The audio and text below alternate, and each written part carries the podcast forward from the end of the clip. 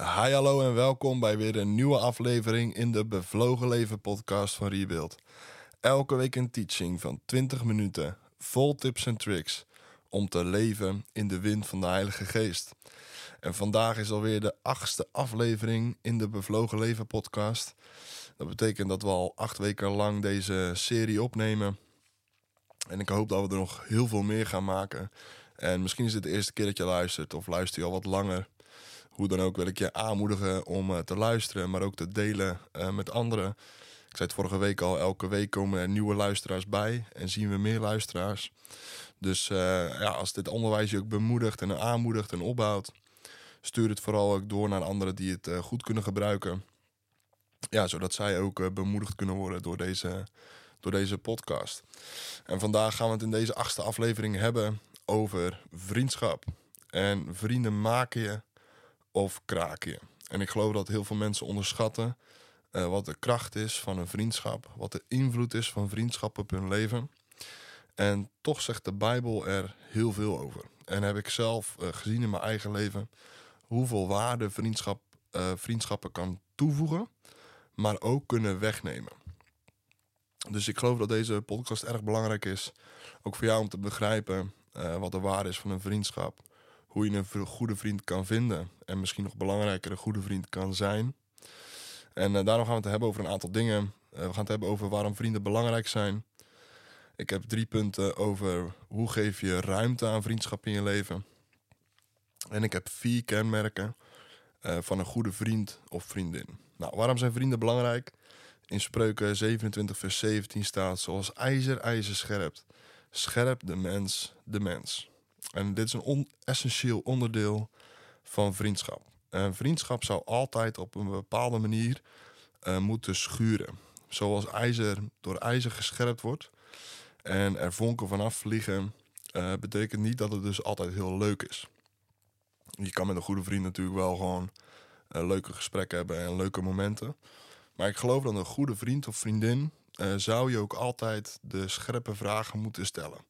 Je hart moet toetsen. En uh, ze zeggen wel eens: wrijving geeft glans. Uh, door, door een schuring word je gewoon gevormd. Ik denk dat het heel belangrijk is um, en essentieel in een vriendschap. Het is niet, het is niet altijd leuk. En soms doet het zelfs pijn. Maar ik geloof echt dat het nodig is om zelf ook mooier te worden. En we gaan het straks hebben over een vriendschap maakt je ook sterker. Dat is punt 2. iemand anders stelt jou vragen die jij jezelf vaak niet stelt.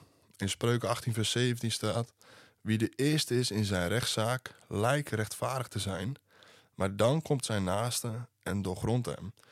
Um, als je alleen bent, dan krijg je soms rare ideeën. als ik alleen ben, dan uh, ga ik soms allerlei dingen bedenken die allemaal mooi zijn en tof en gaaf. Uh, en bijvoorbeeld heel goed klinken.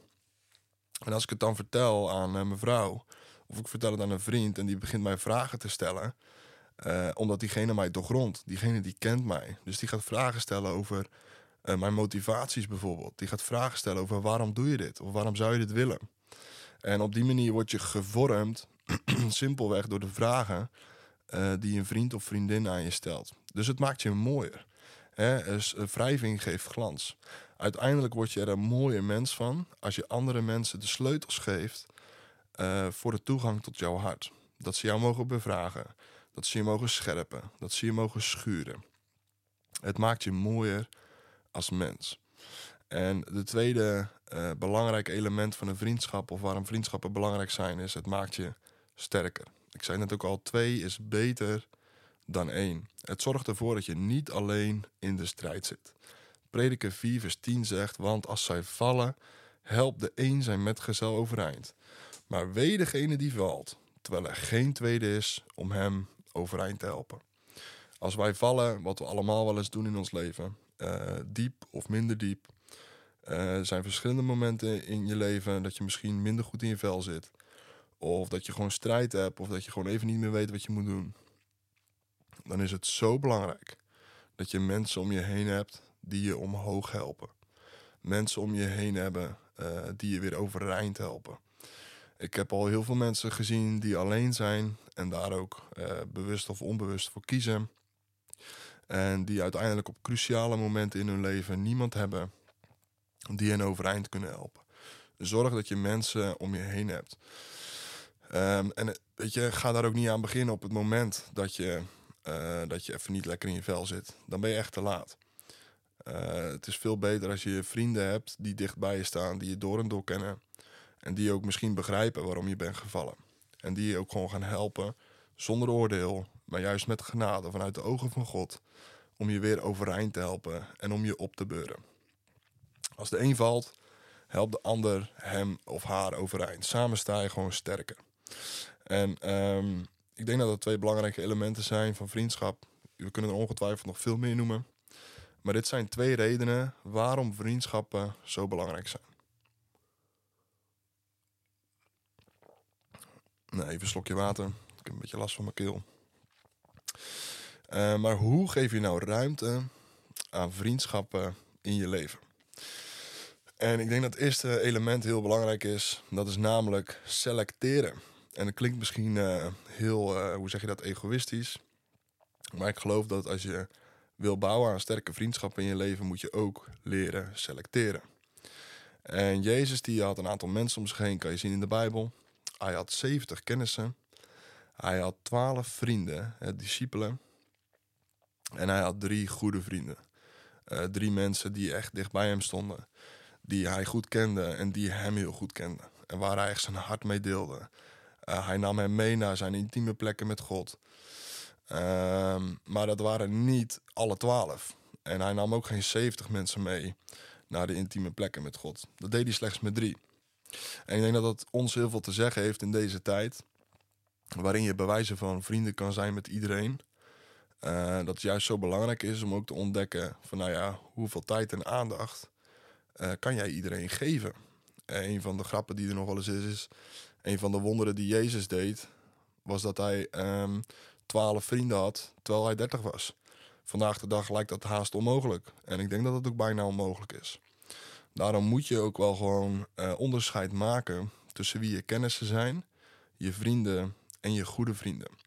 Uit onderzoek is ook gebleken dat je maar maximaal tussen de 70 en de 150 mensen kan kennen. Dus die echt in je kennissenkring zitten. En dat je maar in staat bent om maximaal 5 tot 15 vrienden te onderhouden. En maximaal 1 tot 5 goede vrienden. Dat betekent dat we heel veel kunnen leren van Jezus op dit gebied. Uh, en het gewoon heel belangrijk is dat we gaan ontdekken: oké, wie zijn onze vrienden? Wie zijn onze kennissen? En wie zijn onze echt goede, goede vrienden? En de rest van deze aflevering gaat je ook helpen uh, bij het aanduiden van de juiste en de goede vrienden in je leven. Dus selecteren. Spreuken 18 vers 24 zegt wie veel vrienden heeft, raakt snel geruineerd. Je kan het niet volhouden om veel vriendschappen te hebben. Uh, je kan niet iedereen de tijd en aandacht geven die ze, uh, die ze verdienen. Dus daar moet je gewoon keuzes in maken. Je doet tekort aan een vriendschap door te weinig aandacht voor iemand te hebben. En tegelijk het andere effect is als je heel veel vrienden hebt, heb je heel veel input in je leven, wat vaak tegen elkaar ingaat. En kan je echt heen en weer geslingerd worden tussen allerlei gedachten. Nou, uh, kennissen die zie je op sociale aangelegenheden. Met hen bespreek je je werk, je gezin, uh, je overwinningen. En eigenlijk datgene wat je doet. Met vrienden bespreek je regelmatig mee af. En dan vertel je over je gevoel, je motivaties en je principes. Daar vertel je hen over wat je denkt. En met goede vrienden bespreek je je hele hebben en houden. Je hebt niks achter te houden voor hen. Je hebt geen geheimen.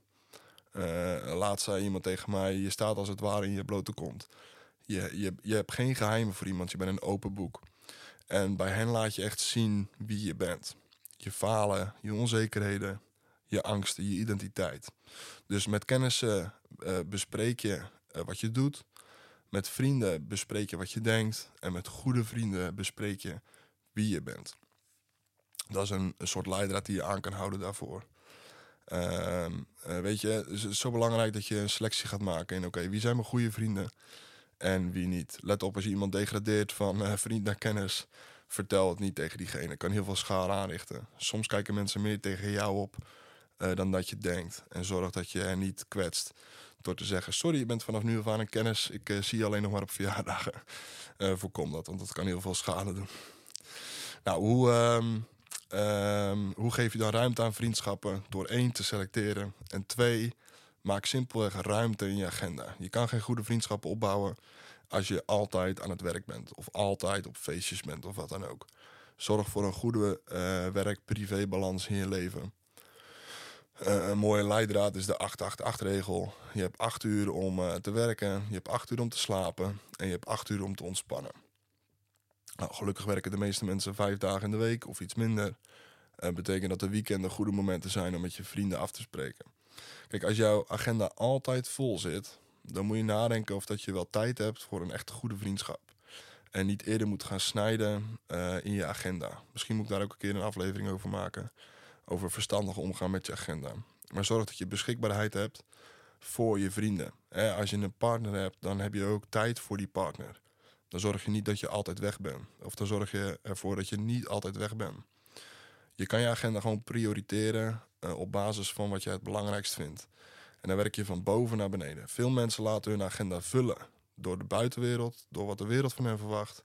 Maar jij hebt controle over je agenda. Dus vul je agenda op basis van wat jij het belangrijkst vindt. Het is ook niet erg, vind ik in ieder geval, om vriendschappen uh, of afspraken met vrienden ver vooruit te plannen. Want je vindt het belangrijk. Dus je zorgt dat het vaststaat voordat de rest van de wereld je in beslag neemt, zodat je geen tijd meer hebt voor hem. Ik heb daar zelf heel, heel veel in gefaald en heel lang. En nog steeds vind ik het heel moeilijk. Maar zorg dat je agenda tijd en ruimte biedt om ook daadwerkelijk vriendschappen op te bouwen. Een half uurtje is niet genoeg om met een vriend te chillen of een vriendin. Zorg dat je echt de tijd daarvoor hebt. En het derde punt, hoe geef je ruimte aan vriendschappen, is wees bereid om te geven. Vriendschappen zijn er niet om te nemen. Vriendschappen zijn er om je te versterken en tegelijkertijd die ander te versterken. Uh, je hebt natuurlijk zelf je noden, je hebt zelf de dingen waar je mee, rondloopt, maar je komt simpelweg niet alleen om te halen. Uh, een goede vriend deelt zijn leven, maar deelt ook met jouw leven. Je kan geen goede vriendschappen opbouwen als je jezelf niet bloot durft te geven. Uh, en het kan tijd kosten, het kan vertrouwen kosten. Misschien is je vertrouwen daarin ook wel in het verleden bijvoorbeeld beschaamd. Uh, maar geef het tijd om vertrouwen te krijgen in een ander, om diegene te leren kennen en jezelf ook bloot te geven. Je kan niet alleen maar er voor die ander zijn. Het is ook van jou uit nodig dat je jezelf open durft te geven voor die ander. Dus wees bereid om jezelf te geven in een vriendschap. En je, ja, je falen en je noden. En juist ook die moeilijke, die ugly things, weet je wel, de lelijke dingen van wie je bent om die met die ander te delen. Zorg dat het ook iemand is die je kan vertrouwen. Nou, wat zijn dan de kenmerken van een goede vriendin of een vriend?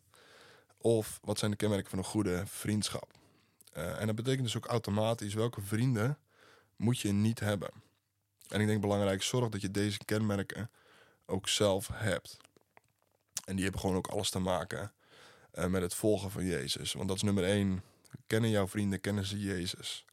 Zijn het mensen die Godvrezend zijn? Zijn het mensen die toegewijd zijn aan Jezus, die Hem radicaal volgen? Of zijn het goddeloze mensen? Mensen die, eh, goddeloze mensen zijn mensen die zonder God leven. Uh, weet je, Psalm 1 zegt: uh, Welzalig de man die niet wandelt in de raad der goddelozen. Een vriendengroep, mensen om je heen, is als het ware een raad. Het zijn mensen die vertellen bewust en onbewust continu hun principes, hun verlangens en hun motivaties tegen je. Uh, en die gaan je hoe dan ook beïnvloeden. Hoe meer je met anderen optrekt, hoe meer je beïnvloed wordt door die ander. En als je wil dat je positief beïnvloed wil worden, uh, dan moet je gewoon zorgen dat je mensen hebt die God en Jezus kennen en volgen. Hè? Wat Jezus zelf ook zegt. je kan niet een ongelijk juk hebben. Zo werkt, dat werkt voor relaties zo, in, je, in liefdesrelaties. Maar het werkt ook in vriendschappelijke relaties. Ik denk dat we allemaal wel de invloed kennen van verkeerde vrienden. Het is heel belangrijk dat ze Jezus kennen, godsvrezend zijn en dat ze radicaal hem volgen. En nummer twee is, wat is nou de vrucht van iemands leven? Kijk, iemand kan Jezus wel volgen, uh, maar niet getransformeerd worden door de Heilige Geest. En een goede vriend herken je niet aan de dingen die hij zegt, maar aan de vrucht van zijn leven. Dus aan de dingen die hij doet. Dus iemand kan wel christelijk zijn of zichzelf christelijk noemen. maar niet het DNA hebben van een volgeling van Jezus die zichzelf uh, aan het kruis nagelt en die uh, zijn eigen leven opgeeft en zijn kruis dagelijks op zich neemt. 1 Corinthians 15, vers 33 zegt: Slecht gezelschap bederft goede zeden. En het kunnen ook christenen zijn.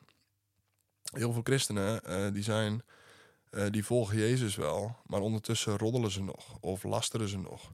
Spreken ze slecht over anderen. En Spreuken 16, vers 28 zegt: Een verderfelijke man brengt ruzie teweeg. En een lasteraar, iemand die roddelt, maakt scheiding tussen de beste vrienden. De impact van roddelen is enorm als het gaat om vriendschappen.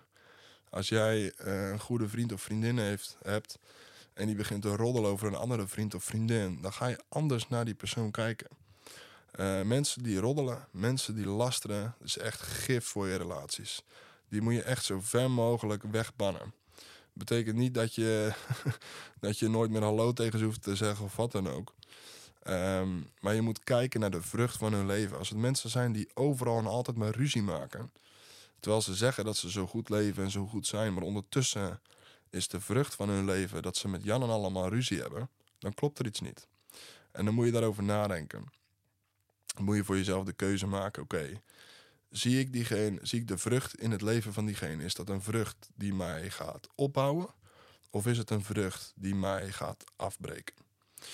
Dus als het gaat over de kenmerken van een goede vriend of vriendin, is nummer 1, kennen ze Jezus, zijn ze godvrezend. En nummer 2, wat is de vrucht van zijn of haar leven? Let niet op de woorden, maar let op de uitkomst van hun wandel. Hoe wandelen ze? Wat gebeurt er waar zij komen? En uh, let daarop en maak je keuzes daar, uh, op, basis daarvan. Nummer drie van een goede vriendschap, uh, een goede vriend of vriendin is stellen ze vragen of geven ze alleen maar antwoorden. Misschien ken je het wel dat je ergens komt en dat iemand alleen maar aan het zenden is en aan het zenden is en aan het zenden is. We weten allemaal, is dood, dood, dood vermoeiend. Spreuk 18 vers 13 zegt, wie antwoordt voordat hij geluisterd heeft, het is hem tot dwaasheid en schande. Een antwoord geeft kennis, maar een vraag geeft inzicht. Als je iemand wil leren kennen, dan zul je vragen moeten stellen. En vice versa, andersom, betekent dit precies hetzelfde. Als jij een goede vriendschap op wil bouwen, dan heb je een uh, dynamisch gesprek over en weer tussen vragen uh, en vragen en antwoorden. Iemand die alleen maar zendt, die alleen maar zijn eigen ding telkens bij jou een soort van naar binnen propt, uh, is niet iemand die uh, bezig is met jouw welzijn. Het is iemand die alleen maar bezig is met zichzelf en graag zoveel mogelijk wil zenden. Mensen die alleen maar praten willen je eigenlijk niet leren kennen. En ik denk dat het belangrijk is, er zullen altijd momenten zijn in een gesprek dat de een meer aan het woord is dan de ander. Betekent niet dat iemand uh, gelijk ongeschikt is als vriend of vriendin. Het gaat op en af. Maar als er over algemeen genomen altijd over die ander gaat, is het wel een belangrijk signaal. Uh, en dan voel je je waarschijnlijk ook minder goed gezien. Dus zorg dat, dat er mensen zijn, goede vrienden die dichtbij staan, uh, dat ze vragen stellen. Dat ze geïnteresseerd zijn in wie je bent en dat ze bereid zijn om je te leren kennen. Nou, nummer vier van een goede vriend of vriendin. Staan ze voor je klaar? Ik denk dat het heel belangrijk is. Uh, zijn het mensen die je bij wijze van midden in de nacht uit hun bed kan bellen, omdat jij in de penarie zit? En je, kent het spreekwoord misschien wel. Uh, beter een goede buur dan een verre vriend. Uh, de Bijbel zegt: uh, beter een vriend dichtbij dan een broer die ver woont. Kijk, een verre vriend is mooi. dat is natuurlijk gaaf. Daar kan dus ook niks mis mee. maar ik denk dat goede vrienden, mensen die heel dichtbij je staan, dat dat mensen moeten zijn die ook vlakbij je wonen. Die in ieder geval in een straal van, weet ik veel, 10 kilometer, 15 of 20 kilometer bij je vandaan wonen. Uh, die je echt kan bellen midden in de nacht en die voor je klaarstaan. En als dat zo is, staan ze dan ook. Zijn ze ook bereid om offers te geven uh, voor jouw leven? Zijn ze er op het moment dat jij het nodig hebt? Als je echt in de penarie zit, zodat, ja, zodat je ook vrienden hebt die je daadwerkelijk omhoog helpen, die jou daadwerkelijk overeind helpen op het moment dat je in de put zit. Nou, dat zijn allemaal al heel wat punten, uh, maar ik geloof en hoop dat ze je ook bemoedigen. Vrienden maken je of vrienden kraken je. Er zijn twee redenen waarom vrienden belangrijker zijn. Het maakt je mooier en het maakt je sterker. Nou, je geeft ruimte aan vriendschap in je leven of vorm aan vriendschap in je leven door te selecteren, door ruimte te maken in je agenda, door bereid te zijn om te geven. En de vier kenmerken van een goede vriend of vriendin zijn: ze kennen Jezus, ze hebben ook nummer twee de vrucht in hun leven van de geest. Het zijn mensen die vrede zoeken, mensen die liefde geven. Nummer drie is ze stellen vragen. En nummer vier is ze staan voor je klaar. En als laatste, zoek niet alleen de juiste vrienden, maar wees ook de juiste vriend of vriendin. Je kan niet van andere mensen verwachten uh, dat ze jou alles gaan geven als je dat zelf niet bent of niet geeft. Uh, wees, wees, uh, wees, wees dat wat jij in anderen zoekt. Dus vrees God, stop zelf met lasteren en met roddelen. Groeiende vrucht van de geest. geef niet alleen antwoorden, zend niet alleen, maar stel ook vragen. Durf de scherpe vragen te stellen aan een ander. Wees open over wie je bent. Maak ruimte in je agenda. En sta klaar voor je vrienden. Ik hoop dat je geïnspireerd en aangespoord bent om een bevlogen leven te leiden. Rebuild heeft het verlangen dat Gods koninkrijk zichtbaar en tastbaar wordt in elk facet van het leven. In jouw leven. En niet alleen in dat van jou, maar ook in dat van je buren, je familie, je vrienden en je collega's. Wil je meebouwen met Rebuild en ben je benieuwd hoe je dit kunt doen? Kijk dan op www.rebuilders.nu meebouwen. Ik wens je nog een hele fijne dag.